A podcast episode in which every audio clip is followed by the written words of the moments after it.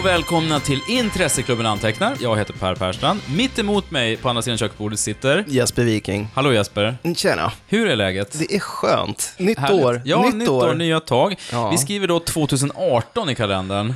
Ja. Eller det står redan 2018 i kalendern, men vi skriver Ja, 2018. vi skriver det på våra checkar. Hade du några... precis. På våra I resecheckar. våra, precis, våra kontoböcker. Mm. Ehm, Hade du några nyårslöften som du har hunnit bryta redan kanske? ja, jag tänkte sluta vara fet. Ja. Jag ska gå ner i vikt och börja träna. Ja. Bli frisk och sund. Men Både i kropp och i sinne. det låter ju väldigt bra, fast du dödar vårt small talk moment som är, handlar om hur fet du Ja, jag blivit varje vet. Jag Får vet. Jag får om komma på något i annat. Byta material. Exakt. Nej, så det är väl eh, i och för sig en perenn bland nyårslöftena. Mm. Jag tror inte jag är ensam i världen om att, att säga att jag ska börja gå på gymmet igen. Nej, precis. Januari måste vara månaden då de allra flesta köper gymkort. Ja, det här är, det, det är precis nyår i julafton för uh, gymmen. Mm. Ring! Nej, men det är väl samma sak för mig. Jag brukar ju lova mig själv att jag ska se mer film. Det tror jag till och med jag har sagt något, något år på den här podden. Men eh, Ja, det vill 2017 jag minnas. blev ju ett eh, bra filmår för mig. Mm. Jag har berättat tidigare om den här härliga presenten jag fick av min kära hustru Petra. Som gick ut på att jag fick eh, en, ett bioschema och se en jäkla massa biofilmer med mina bästa vänner. Bland annat med dig. ja. Vi har ju sett några godbitar. Nej, det har vi inte. Nej, det har vi verkligen inte gjort. En av de sämsta filmerna, som vi nog får återkomma till i en senare podd. Nej, men eh, så att jag känner mig ganska tillfredsställd eh, filmmässigt, men ja, jag, ska, jag kanske ska säga att jag ska läsa mer böcker då. Något. Jag, jag ska satsa på att bli lite, lite fetare också under 2018. Ja, det är bra. Kompensera. Det, lasternas... Men har Poddens lasterna- summa är konstant. Exakt, måste ha en jämnvikt här. Han du se alla filmer under året då, som var på schemat? Så att säga? Ja. Eh, nej, Nej. jag svek ju dig på Kong Skull Ja, det Island du ja. Ja, det är sant. två gånger. Ja, Först på bio, det hände någonting först och sen var det den Ja, här det- terroristattacken ja precis. som, som gjorde att jag kände olust för att gå och se på bio. Ja, du var såhär, skojar du eller? Nej. Du trodde jag drev med dig. Jag var såhär, jag tycker det. Du bara, nej, väx upp. Men det, det visar vem som är äkta stockholmare och Ja. vem som är inflyttad stockholmare. Ja, verkligen. Du som är en äkta New York-bo som bara, whatever. Ja, helt oempatisk Mm. inställning. Du missar inget. Nej, jag, jag har faktiskt sett den sen dess på eh, iTunes eller på någon form av strömningsservice. Mm. Den var ju helt okej, men det var, jag tror du kallar den meningslös. Gjorde du det? Ja. Den är rätt poänglös. Och en grej jag tänkte på den, även om den är... John C. Reilly kul. Eh, jag tycker apan var ju ljusår bättre än Peter Jacksons Ja. Weta-apa. Ja, ja, ändå. Och, och scenerna när apan slogs mot andra monster var ganska härliga och mäktiga. Men jag tyckte att det fanns noll kemi mellan eh, Loke och eh, Alison Brie. Ja. Vad heter han nu, skådisen? Britten. Hiddleston. Tom Hiddleston, ja. Han, var, han borde ju passa som actionhjälte eftersom han är bra som Loke, men jag tyckte inte han passade där. Nej. Att han är bra som Loke är att han har det här veka, svekfulla draget. Och ingen sån här muskelknutte som Chris Hemsworth. Nej, Men han kändes inte som en bra action leading man direkt. inte direkt. Det var ett svagt kort. Mm, faktiskt. Eh, jag vet inte, det blev någon trend med det där när det kanske började så tidigt som i Keanu Reeves, att Keanu Reeves blev en action, alltså jag tänker på speed. Mm. Det var inte självklart att, att casta Keanu Reeves, eller i och för sig, han gjorde ju, vad heter den nu igen då, Point Break. Mm. Men även där, man såg inte på honom som en actionstjärna. Det, det var nog Point Break tror jag, när han blev den där. Mm. Men då får man tänka på att då hade du precis, 90-talet tog över från 80-talet där actionhjältar var Schwarzenegger och Stallone och de Ja. muskelknuttarna. Ja. Han var ju mer så här regular guy. Och på senare tid har vi ju haft, eh, nu var ju inte han så här erkänd karaktärsskådis som blev plötsligt blev actionstjärna, som Liam Neeson var. Som ju ändå var någon form av A-list eh, skådis. Dramaskådis. Ja, men precis. Som sen blev, på äldre dagar Adrian. Brody, så han blev ju lite actionstjärna där. Mm. Eller försökte lansera sig som en i alla fall. I den här Predators-filmen. Ja, just det, den ja. Ja, Ja. det gick ju sådär. Gud, vilken krystad handling det var ju. Ja, och i King Kong såklart, remaken. Just det, ja just det. Nej, men det var ju två filmer som inte gick så bra Mm. för honom kanske. Mime. Nu känns det som att länge. Ja, sen gjorde han Giallo, då, då gick ju Ja, hans då, karriär. då, precis. Piken, kulmen. Hans zenitpunkten i hans karriär. Nej, men, eh, och så tänker jag på, um, vad heter han, eh, den gulliga Jake Gyllenhaal i eh, den här um, Mm. Source Code, eller vad heter den? Source code, ja, men på tåget där. Mm. Precis, han var tvungen att biffa upp sig lite. Ja, men så gjorde han den här puffra. Southpaw när han var extremt deffad också, den här Ja, boxningsrullen. boxarrullen, ja. Men, ja, men det är sant. Men det är så här matinéhjäl, att man tar som de här mjuka männen och gör dem till matinéhjältar. Mm, mm, faktiskt. Men har du sett något annat då? Nej, men jag tänkte prata om två filmer jag sett på sistone. Två Netflix-filmer. Vi snackar ju rätt mycket om Netflix, men Ja. det är kanske för att jag sossar ihop i tv-soffan. Det är en del av vår vardag. Ja, men det är ju det. och många med oss. Nej, men jag såg eh, två filmer som var där exempel på Netflix när det är som sämst och när det är som bäst kanske. Ja. Först såg jag Spectral. Ja. Som en sån här film som jag minns, kanske en av de tidiga egenproducerade Netflix-långfilmerna. Kom 2016, så den är inte så jättegammal. Det är en sci-fi thriller med han James Badge Dale, som, eh, som var med i Rubicon, den här thrillerserien som jag aldrig såg, men som Nej. många råhypade. Och den finns inte att köpa på DVD vad jag vet, eller släppt på någon streaming. Så den är så här okänd. Och Emily Mortimer, Bruce Greenwood, det är bra skådespelare. En slags sci-fi actionrulle som går ut på att eh, James Badge Dale är så här ljudforskare. Han är asbra på, jag har redan glömt vad den handlar om. I alla fall så är det några jättekonstiga, spöklika personer som dyker upp i ett eh, okänt östeuropeiskt land, eller det heter någonting, typ Moldavien eller Spagon, du vet som i Tintin. Ja, ja.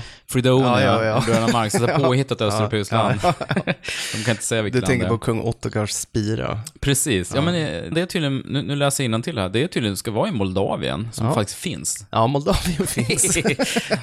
det här spelar ju inte alls min okunnighet, på något sätt. Jag ska nu hålla mig till filmsnack här och inte geografi, det är uppenbart. ja. Jag var inte så bra på de gröna plupparna på TP. Jag kunde de rosa, de bruna. Ingenting annat kunde jag. Nöje och kulturfrågorna. Där acear du. Ja, där, jävlar, där kunde jag att det var Mm. Strindberg. Jag vet inte vad jag, Jo, men det jag skulle komma till var att det här var ju en, en dussintriller med ganska hög budget ändå. Mm. Den, var den är uh, regisserad av någon som heter Nick Mathieu, som jag inte ens orkar googla. Men manus är av George Nolfi, som faktiskt gjorde The Adjustment Bureau, Mm. Ja, det. som var ganska bra.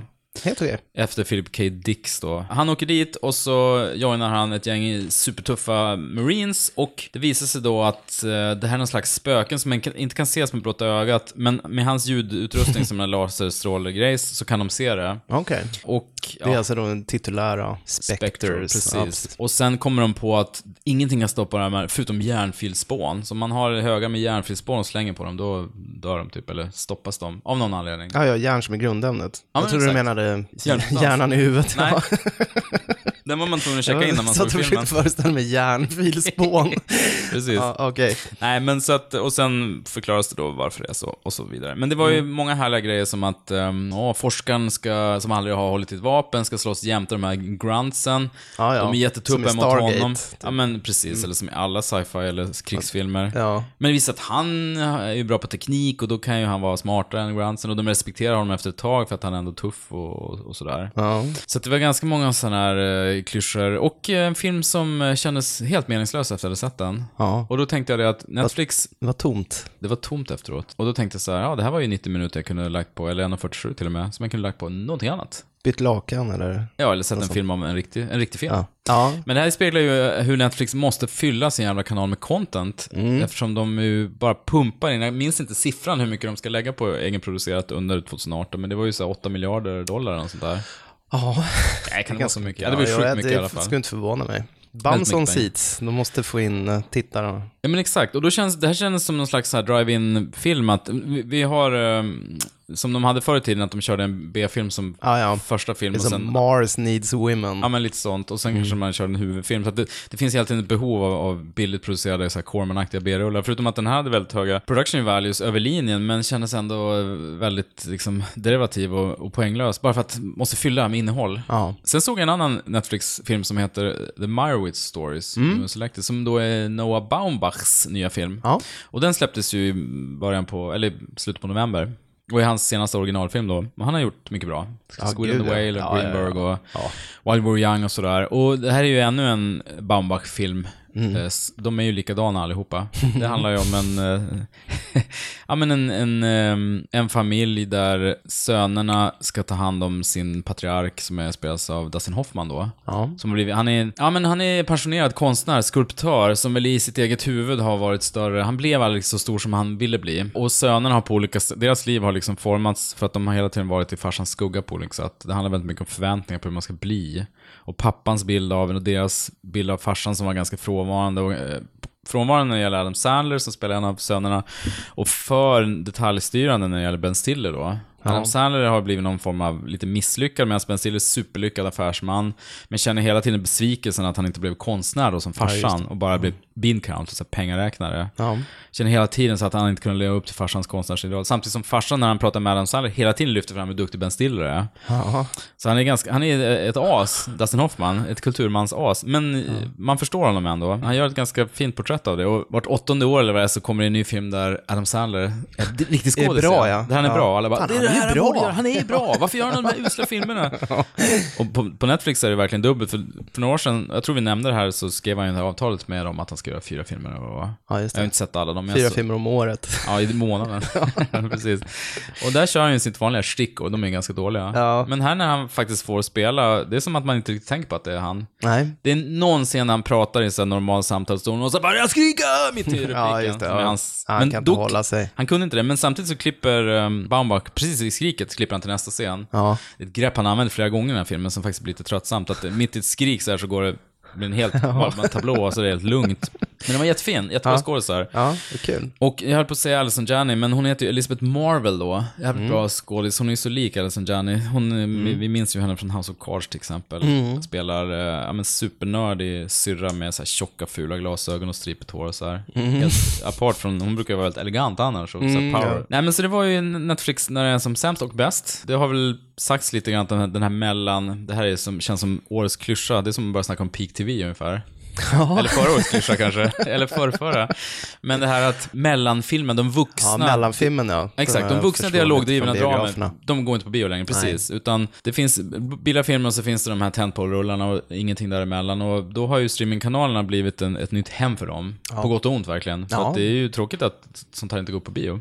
Det är tråkigt. Men, hade Men även Netflix-filmer går ju upp på bio emellanåt. Jo, också. när de känner att det finns lite award När det finns... Ja, exakt. exakt. Jag undrar om den här inte kanske, jag har inte koll på om den har gått på bio. De kan ju peta upp den på en bio i Los Angeles en vecka så är den ju ändå Ja. eligible för Oscars. Mm. Det är väl lite knepigt med... Alltså biografägarna vill ju gärna ha sitt fönster. Liksom. Jo, precis. Nej men den kan jag re- verk- verkligen rekommendera. Meyerowitz Stories. Spectre Ja, kan man, behöver man verkligen inte säga. Ja, men Baumbach är alltid eh, trevligt. Det ska jag Han är ju det. Den påminner ju en, en del om While We're Young med det här, en, ett konstnärs, att spegla sig i sin farsa och ha konstnärsaspirationer som inte riktigt räcker till och så vidare och så vidare. Så de, de är, och det är lite samma skådisar också. Adam Ja. Driver dyker upp och så. Jag satt ju och tänkte på, um, när du beskrev handlingen om, på den här uh, Wes Anderson-filmen som är så... Tenenbaums. Just det, Ja, exakt. det är ganska likt där också. New York-porr, såklart. Ja. Det, det påminner ju om uh, Woody Allens filmer när han var som bäst. När de är på cocktailpartyn och bara sitter på någon Och så diner. lyfter bästa ur Woody Allen-filmerna och bara smeta Precis. på. Mm.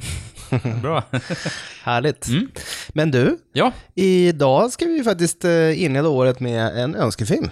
Det ska vi göra. Det ska vi göra. Och nu lämnar vi eh, mainstream-fåran. Mm. Det gör vi. Och eh, kliver in i pojkrummet. Det gör vi verkligen. Anno 1983. För vi ska nämligen prata om Revenge of the Ninja. Ninja, the perfect assassin. The greatest ninja warrior vows to give up killing, My sword is sealed forever. but a ninja cannot escape his destiny. It will follow him from the gardens of Japan to the streets of America. Get those people out of here. The heroin spilled out. Damn it! He's caught in a drug war between the American mafia and the Japanese yakuza. Are you trying to tell me there's ninjas running around there killing people in the 20th century? The Black Ninja. A disciple of evil who kills for pleasure. Only a ninja can stop a ninja. Now, as the police look on helplessly, high above the streets of Los Angeles, he must fight the killer who was once a friend. Ancient Japanese warfare explodes in America. It's the ultimate martial arts adventure. No one can survive. The Revenge of the Ninja. Revenge of the Ninja, a Golan Globus production from the Cannon Group. Och den ska vi prata om på begäran av Mattias Lövblad. Mm, kul. Ja, vem var det som regisserade den då? Ja, det, namnet ligger inte top of mind. Nej. Eh, Sam Furstenberg hette han. Mm. Och var väl lite, ja men genre-regissör. Gjorde lite andra ninja-filmer, Delta Force 3 till exempel. Med Chucken. Ja men precis, Mm. hans eh, filmografi är många så här härliga titlar. Ninja 3 The Domination, Breaking Mm. 2 Electric Boogaloo, American Ninja, Riverbend, det var inte så rolig titel, The Killing Game, American Samurai, Cyborg Cop. Och tvåan. Cyborg Cop, ja. skoj. Det ska ju erkännas att Ninja-filmen var ju det absolut fränaste som fanns när jag gick i mellanstadiet. Mm. Och den här filmen, den gick verkligen varm på VHSen. Jag Eh, jämte The Octagon och American Ninja och så. mm. Så att eh, det, var, det var ju ett roligt återbesök. Ja, det var jättekul. Vi blev glada när vi fick den här önskefilmen. Tack Mattias. Ja, supertack. Nej, men jag håller med. Hade du frågat mig när jag gick i femman kanske, topp tre, coolaste, mäktigaste filmen jag sett. Etta tror jag var Örnästet, som jag snackade om tidigare. Ja, ja. Tre var sannolikt, eh, kanske Älskade spion, Mm, en sån där cool Bondrulle. Och tvåan var lätt Revenge of the Ninja, Ja, som jag tyckte var så jävla cool. Och jag minns här vissa scener som vi kommer återkomma till i, i den här filmen. Jag minns inte riktigt handlingen överlag sådär, men jag minns vissa grejer. Tycker det känns lite som en barnfilm. ganska Ja. mycket. Fast den har ju jätterå, rått våld. Ja, ja, absolut. Jag såg den ju ihop med Åsa och hon sa att det var som att se The Days of Our Lives fast med blod. Både manus, foto och framförallt skådisinsatser är ju sådär Ja, jo, dagsåpeplattar. det är ganska bedrövligt. Men det är ju en del av charmen också. Mm. Jag menar, det är inte som att filmen utger sig för att vara någonting annat än en tunn röd tråd mellan en massa fräna slagsmål. Nej, exakt. Den är ju väldigt ärlig och hederlig med det. Ja, och tacknämligt så Furstenberg, han förstår ju det också, så att det är ganska korta transportsträckor mellan actionscenerna. Ja. Och actionscenerna är väldigt varierade, så att den levererar ju, det är totalt, den levererar väldigt bra som en ganska trashig B-rulle i ninja-genren liksom. Ja. Utan några större pretensioner. Sen så fort det är dialogscener, då tittar man ju bort lite och blir besvärad. Verkligen. Eh, Shokosugi får ju eh, Bruce Lee att framstå som Daniel Day-Lewis, alltså, han framstår som en riktig thespian jämförelsevis. Ja. Och det jag blev förvånad om, om vi tar filmen från början. Ska vi dra ett synopsis förresten? Vi ja. brukar ju det. Har du det? Vi ska se. Den här filmen finns inte på svenska Wikipedia till min stora sorg, så vi får köra på norska Wikipedia. Men jag ska inte göra bort mig och låtsas. Jag har ju tydligen fått kritik här för min perfekta cockney. Ja. Så jag, jag lugnar mig lite, kör... eh, jag försöker för, försvenska det här. En man, Chu Osaki, spelad av Shokosugi, måste fly från Japan då hans familj blir mördad av ninjor. Han reser till USA där han slår sig ner med sin enda son då, Kane heter han väl? Ja. Spelad av Shos egna son, som också heter Kane. Ja. Men i sitt nya land blir han eh, tryckt in i en räcke mord som alla bäre präg och var utfört av ninjor. nu gjorde jag det ändå. Nu måste han återigen kämpa för livet. Det ingen vet är att han också är en ninja. Nej, men I början av filmen blir ju hans familj mördad av ninjor. Ja. Och första... Jag minns ju det här som en ganska cool scen. ja. Koreografin i den här scenen är Den riktigt, är ganska stel. riktigt stel Det är alltså. som att se ett så här, taffligt cowboy-slagsmål från Ja. 50-talsrunda. Alltså det är så konstigt, för det sticker verkligen ut i relation till de övriga Ja. fightscenerna i filmen. Det, det är den absolut sämsta se- fightscenen i filmen. ja, och det är den man ska här, gå igång på. Ja, en det är väldigt konstigt. introduktion. Det är märkligt. Vi borde ju säga lite grann om Canon Films också. Just det, det borde vi göra. För ja. Canon Films är ju de vi har att tacka Mm. för ninja-genren, kan man ju säga. Och det här är ju del två i den här äh, så kallade ninja-trilogin, som de eh, drog igång med Enter the Ninja, Mm. Precis. Mm. med Franco Nero i huvudrollen då, eh, som en mustaschprydd, eh, vit klädd ninja. var ju deras första stora actionhit Just det. egentligen. Och sen så kom den här Revenge of the Ninja där Shokosugi som var skurken i Enter the. Ninja fick Mm. spela hjälten. Och sen så kom Ninja 3, The Domination. Exakt. Och den eh, är ju bland eh, Ninja-fantaster den bästa Är det så? av dem Jag tror inte jag har sett den faktiskt. Och sen så fick de ju sin superfranchise där med eh, American Ninja-filmerna. Mm. Det gjordes väl fem stycken, tror jag, med Michael Just det. Dudikoff. Just det, Michael Dudikoff, så heter han ju. Apropå bra namn. Ja, Michael Dudikoff. De dominerade ju 80-talet. De satte ju verkligen sin prägel på videohyllan. Mm. Joram Globus. Joram Globus, två otroligt företagsamma och visionära israeler Precis. som eh, står bakom ganska många favoriter. Mm. Om du gick in på en vanlig VHS-hökare i en valfri svensk stad 84, Ja. hälften av utbudet måste ju vara i Canon Ja, ja. Eftersom det var så jäkla mycket action. De var ju som Roger Corman fast med mer budget Ja. i princip. Har du sett någon av de här två dokumentärerna som kom? Nej, jag har inte Ja, gjort det. Den, du tänker på den här, den hette väl Electric Boogaloo? Eh, Exakt, den hette ju det. Nej, jag har inte gjort det tyvärr. Nej. Mm. Jag ser ju, den finns ju på Netflix. Det har bara inte blivit av att jag tittar på den. Av de mer namnkunniga filmer så har vi ju, ja, American Ninja nämnde du ju, men Life Force? Mm. Ja, ja, Tom gud ja. Cobra gjorde de ju med Stallone. Exakt. Det var de... Känns det som vi på. lyfter fram några... Ja, men de gjorde faktiskt Runaway Train också. A Runaway Train. Konchalovsky. ja. det är. Det är ju en det fantastisk film. Ja, det, det måste ju vara nästan, bland det bästa de har producerat. Ja, men lätt. Det är ju, det är ju nästan en arthouse-rulle. Ja, in i finrummet. Den kom samma år som de släppte den här King Solomons Mine med Richard Chamberlain. Ja, herregud. Det var ju kanske ingen nöjdare. Och liksom efter Runaway Alan Train. Quatermain. Ja, precis. Då kommer ju Delta Force då med Chucken, så att det är Mm. tunga 80-talstitlar verkligen. Det är som du säger, det är ju det är den totala Corman-skolan, Mm. där man, näst, man säljer in filmen bara på löftet om att det kommer bli mäktigt. Och sen levereras det, hyfsat i alla fall, i regel. Ja. Och så var de ju väldigt, så här, vad heter det, prolific, alltså de släppte ju väldigt mycket. Ja, det gjorde de sannerligen. Visst var det en vurm för Japan och ninjor och samurai överhuvudtaget på 80-talet? Ja, Jag tänker på, i alla fall det i Sverige, med de här... jag tänker på Shogun-böckerna, James Clavell och de här. Ja, precis. Var inte det ungefär samtidigt? Ja, det är ju i slutet av 70-talet. Ja, det är lite egentligen. tidigare. Ja, Mm. när, I samma våg som när um, de här uh, billiga Hongkong-filmerna kom in på västerländska biografer. Mm. Shaw Brothers och de Ja, här. precis. Där förekom det ju ninjor, till Mm. exempel. Så att, eh, jag tror det måste ju ha kommit lite därifrån. Det förekommer ninjor, det är en bra eh, förklaring på den här Det för- filmen. det för- det förekommer, kan innehålla spår av Varning, det ninjor. förekommer ninjor. Alla talar japanska. Apropå den här första scenen när hans eh, familj blir slaktad. Och jag menar, jag är ju ingen ninja, så jag har ju inte tränat hela mitt liv i konsten att vara osynlig. Men Nej. om man ska gömma sig i ett buskage, Mm. då kanske inte man ska ha sig. Nej, det kan vara dumt. Det var väldigt slående. 40 ninjor i röda pannband. Ja, men 40 ninjor som sitter på, på tre kvadratmeter i samma buske så här, Ja. tittar upp så hur lätt som helst. Du kan ses från 100 meters avstånd. Ja, det är väldigt speciellt. Jag tänkte när jag såg att det här hade ju inte gjorts idag. Jag menar, två minuter in så får en, en sjuåring ett, en kaststjärna i nyllet. Mm. Ja, det är ruggigt brutalt. Och det blir en så konstig diskrepans, vilket känns som ett fel ord att använda i samband med Revenge of the Ninja. Men mellan den taffliga koreografin och det ganska hårda våldet. Som du sa, det här, det här är ju svagaste kortet. Sen blir ju filmen bättre och Ja. jag tycker det roliga med den är att förutom att den har högt tempo så varje ny fight är på en ny location. Mm. Så det är väldigt varierat liksom. Och det är lite som en porrfilm när alla ska ligga med alla. Här är alla slåss med alla i olika konstellationer. Nu slår du honom Ja, och lite sen så så. går han över till dig och Lite slåss. så är det ja. det är Och tjejen ska slåss med, med barnet och sen ska gamkärringen slåss med ninjan. Ja. Och så är det så här i en dojo förstås, i en pool, på en lekpark, på en skyskrapa. Ja. Väl, I garage, det är väldigt många olika Ja, det är ställen. många, inne i en skåpbil. Mm. Men eh, det framgick inte riktigt i synopsis, men han, han tar sig till USA för att fly Mm. Precis. vågen av ninja-våld. Exakt, och så har han blivit inlurad kan man väl säga i en, en business deal av den här Dave Hatcher, hans kompanjon. Redan i första scenen. Det första han säger till honom när han försöker sälja in den här, de ska ju importera de fina, stämningsfulla ninja, de ser också ganska kacka ut, men så ninja-statyer, eftersom det finns en vurm för japansk konst i USA. Men det visar sig då att kompanjonen och hans blonda frilla, de smugglar heroin inuti de här. Ja, just det det. är det som är det är en cover operation, som det heter. Som han då säljer till en extremt stereotyp eh, italiensk gangster. Ja.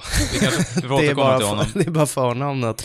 Men Nej, Kane, men- lillpojken, han råkar ju paja en staty. Ja, just det. Kommer heroin på golvet. Han Det är så roligt med den här skurken för att när han försöker övertala hjälten att, nej men kom igen nu, flytta till USA. Han försöker så här pitcha en affärsuppgörelse Mm. typ en minut efter att hela hans familj har blivit slaktad. Och eh, hjältens mamma säger så här, jag litar inte på honom. Mm. Och det är väldigt uppenbart att kameramannen och kompositören delar hennes uppfattning. för att det är så här extrem inzoomning och sen dum dum dum. Det är en subtil Liksom, film, mycket undertext. Antytt att han faktiskt inte har rent mjöl i påsen, Mm. så att säga. Utan heroin, just. Det finns också det här, ja, men lite så här nobelt, lite mer seriöst, att nu vill han komma till USA och starta ett nytt liv med sin son och de ska vara vanliga medborgare. Men eftersom sonen blir mobbad av ett gäng eh, Stranger Things-statister med IT, det är mysigt med den här utstyrseln de har. Direkt hämtade. Ja, techväst. Castinggruppen som inte fick rollerna Ja, i till basketsneakers. Ja. Pannband, BMX-bikar, man bara, Ja. "Åh, Nej, de är de är onda. taskiga, Nej, de är inte oj. mysiga. Vad är det som är fel? Det är roligt också att han spöskiten ur dem och hans eh, farmor ser på gillande. Det är Mm. Hon inga tycker det är reprimander där härligt. inte. Farsan är mer så här, Vad gör du? I did not bring him to America to fight in the streets with fools! Jag gillar det, with Ja. fools, så de är ganska kassa. det- Hade de varit smarta hade det varit okej. Ja, det hade varit okej, men de är inte värdiga honom. Han, han lyckas ju slå ner hela mobbinggänget också. Ja, i en apsnygg Lacoste-tröja för övrigt. Ja, det har den han. Lillkillen. Det är ju egentligen väldigt märkligt att hans sexåriga son, alltså Kane, Mm. han har ju i princip lika många actionscener som farsan har i den här Ja, filmen. det har han. Det är väldigt många slagsmål med den här lilla killen. Mm. När vuxna ska spöa honom. Det är ju, skulle ju aldrig hänt, eller nu höll jag på att säga att det skulle aldrig hänt i en amerikansk film. Det här är ju en amerikansk film, men det, Mm. det är så här trashigt 80-tal. Det skulle inte funka längre att utsätta barn för sånt. Vi snackade ju lite om det där när vi pratade om De fördömdas tempel. Mm, just Det det. här med våldet där. Ja, det är eh, samma mot, era. eh, Det är ju, Ja, det är ju samma... det var liksom mer nästan. rumsrent då. Ja, det Att var det. Försätta barn i, i våldsamma situationer. Nu pratar man ju mycket om att den här våldtäktstropen, alltså mot vuxna kvinnor i tv-serier och filmer, är Ja. ganska, ganska äcklig och Ja. geggig och, och liksom... Men det kom ju som ett brev på posten i den här, jag Ja. tänker med den här to- Jo. Toru Tanaka-scenen. Jo, men precis. Den, den, den är också jättekonstig. Men jag tänkte bara nämna det att på 80-talet bangar man inte för att utsätta barn för samma typ av eh, Nej, nej, nej. Våld. Eller, Nej, nej. Det är inte- inte sexuellt våld förstås. Nej, men ändå det är ganska rått. hårt. Ja, det är rått. Visst är det det. Men det jag tänkte säga också var så här, det är kanske därför man gillar den när man gick i mellanstadiet. Det- Det är ett barn, lite yngre än man själv var då, som har huvudrollen Ja. i, i stort sett. Ja, i princip. Och vem vill inte se en liten unge kick-ass mot Ja. mobbare? Ja, det är härligt Älskar man ju. såklart. Sen som vuxen kan man tycka det är rimligt att den där ungen ska utsättas för så mycket våld. Ja. Alltså, nu är det inte i verkligheten, men... eh, Jag minns här, varför älskade jag de här kung fu-filmerna så mycket när jag var i 12-årsåldern? Och det var ju förmodligen för att man hade hämndfantasier Ja, mot jo, folk men som hade varit dumma mot Ja. dem. För det här med kaststjärnor till exempel, vi gjorde ju kaststjärnor i träslöjden Ja, när jag jo, gick i vi med. grundskolan. Ja. Mm. Och vi hade ju en mobbare i- som gick ett par klasser över mig. Han gick ju runt med en hel så här sågklinga i väskan som han skrämde yngre Ja. skolkamrater med. mig inkluderad. Ja, det förstår jag. Det var en stor grej då. Mm. Ja, det var jättestort. Vi gjorde sådana också minns jag. Och sen så, man lyckades ju aldrig kasta dem ordentligt, men det var ju bara att ha dem. så här. Ja. Och sen rent allmänt tyckte man ninjor var coola. Ja, ja, för de smög Ja, men de kom från ingenstans. De var som hemliga agenter. Nu blir det bara lite en sån här dålig spaning när man ska ha tre exempel på allting. Jag bara tänkte så här, senare i filmen, det är så otroligt mycket, de har ju eh, totala Lattjo lådor med attribut, med liksom så här, rök de kastar, Ja. och, det är ju väldigt mycket specialeffekter och Ja. knallpulver. Och jag, de, Ja, det är lite effektsdödlig effekt över det. det är det, de äkta ninjorna hade ju de här grejerna, de slängde rök och, krut kunde, och Man förstår ju hur de kunde skapa den här myten kring sig att de var osynliga, nästan och spöklika. Det kan ju också vara ett skäl till att man tyckte de var häftiga när man var ett barn. Massa coola grejer. Jag läste en artikel någon gång med Kosugi, att han hade rest till Japan och gjort research Mm. kring ninjitsu-vapen och hittat på en massa vapen för Mm. den här filmen. Så att det är ganska många grejer som bara är rena påhitt. Ja, okej. De är baserade på verkligheten. Mm. Det är det som är viktigt. Sitter jag tror att det är på riktigt fortfarande så här, 30 år senare. Det här är ett bona fide ninja-vapen. Ja, det vet man ju. Det känns som att filmen vänder där ungefär när maffiaskurkarna som ska sno heroinet från deras Mm. konstgalleri, de drar iväg den här skåpbilen som han vägrar att släppa. Det är en riktigt bra, den håller ju fortfarande idag. Det är Ja. en riktigt bra Bra actionscen. stund, drivet, väl koreograferat. Mm. Ja, maffigt. Det är det. Det är lite lustigt att maffiabossens hejduk är en indian Ja. som kallas för Chief och har en tomahawk. Ja. Långa flätor, röd skjorta, tomahawk, så här. Det räckte inte med ninjor, vi ska få in en indian här lite också. mer exotiserande här. En superstereotyp italiensk maffiaboss, stereotypa asiater och en eh, indian som lök på laxen där. Det ska också nämnas att den här ska ju utspela sig i Los Angeles. Mm. Som tydligen har snöklädda berg vid horisonten. För den är ju inspelad i Salt Lake City egentligen. Jag läste innan att den var inspelad där. Nej men det finns ju, jag kommer bara tänka på den här scenen när Shokosugi är inne hos den här ganska kastspelande Virgil Friday och den här polisen som har fallet. När han råkar stöta omkull en kaffekopp, han fångar den helt obehindrat så här. Ja, just det. Ställer upp den. Precis. Det har man sett i andra filmer känns som. Ja, det leder ingen vart. Nej, det är bara för att visa hur mäktig han är. Ja. Ännu en pusselbit i mysteriet Shokosugi. Nej, men precis. Han har ju vänner inom poliskåren. Det är ju Keith Vitali, Mm. som också är en sån här karatemästare. Mm. Fast amerikansk-italiensk. Numera Precis. barnaktivist. Han skriver så här böcker om mobbing och sådär. Fint. Det är fint, eller hur? mm. Men alla är ju ett under av skådestalang jämfört med just han som spelar skurken. Det är kul att han har den här silvermasken och sen ovanpå det en ninjamask. Ja, just det. Och jag gillar också att han hypnotiserar Ja, den här alltså, Kathy, eh, hans tjej. Demonögon blir liksom pulserar. Kathy, count with me. Och så får hon Ja, räkna ner så han ska Ja. styra henne. Sen är det oklart hur länge hypnosen funkar. Inte länge Tillräckligt för alltså. att hon ska lämna rummet. Ja, men sen strax efter det så får jag en samvetskval igen och vill rädda lillpojken där. ja, det är en märklig skurk alltså. Och så är det oklart hur, hur Hatcher skulle mörda Kathy, sätta henne i poolen där, med några strålar så att... Ja, Death by Det skulle, Spa. Ja, pss, Den där onda skurken. Det blir, jag tror det blir så när man liksom har sin um, secret lair hemma i lägenheten. Man får liksom ta vad som finns till hands. ja exakt. Så han, så här, Han har ingen sån här Blowfelt-tank, utan han, Nej. han har sitt spa liksom. Nej. Han har en bastu typ så här, jag, ska, jag ska tvinga barnet att basta. Och så, så knyter jag fast kvinnan i min bubbelpool.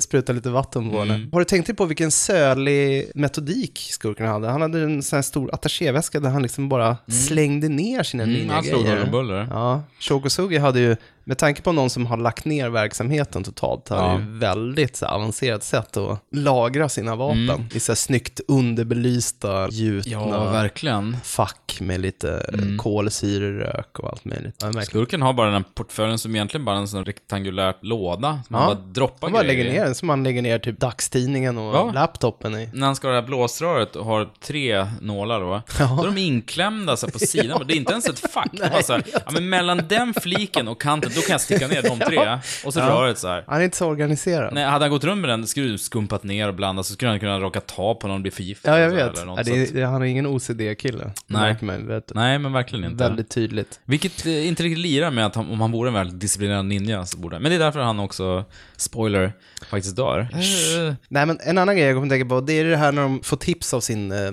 snutkompis, Mm. att eh, de ska dra till lekparken och snacka med de här skurkarna, Mm. som kanske har några tips om vad som, eh, var knarket kan finnas.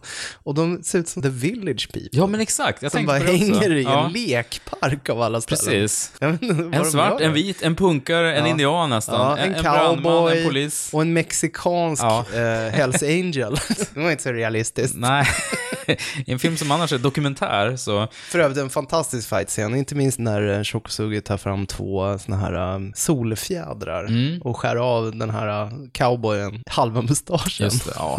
Det är fantastiskt. Och så den här uh, snubben som står gömd bakom en pelare och börjar skjuta med Plötsligt, puffran. han dyker upp, plötsligt, han har stått där hela tiden, så plötsligt dyker han upp så här. Nej, men nu använder jag nog dags. puffran ändå. Ja, det är bara att sju meter, men jag missar ändå. Siktar lite halv, halvdåligt. Det är gött. Mm. Men vi måste snacka om slutscenen som du var inne på, den ju 20 minuter lång. Ja, lång, Och den lång tog härlig. lika många dagar att filma in, vad jag har förstått. Det var ju mycket Episk. helikopter-kamera-action. Ja, det är många snygga bilder liksom från uh, scenen där han kör en wire då från uh, en skyskrapa till en annan är ju ganska snyggt Ja, just den. och sen Lite han som eh, i starten där i The Dark Ja, men Knight, exakt. va? Jag tänkte på den också. Mm.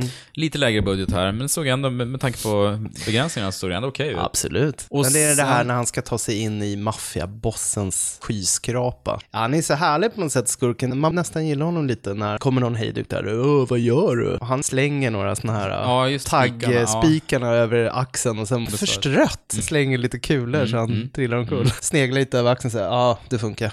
Bara- Faceplant rätt i spikarna och bara ah! Och dör får man anta. Också en scen som gör den klart olämplig att se för barn egentligen. Det är, Ja, ja, det det är rått. Det är mycket, folk får mycket grejer i facet Ja, i den här mycket filmen. Det är ett genomgående tema. Men den är fin den här takstriden. Jo, men den är, den är fin och som du var inne på, han ser ju ganska, han ser cool ut den här skurk-ninjan faktiskt. Ja, med sin... med masken och det. silvermask. Det är ju Shokosugi som spelar skurken också, när han har mask. Är det? Ja, så han, eh, han göttar sig mycket i det, att han får ha olika kroppsspråk och han Mm. går på ett ondare sätt när han är skurken och sådär.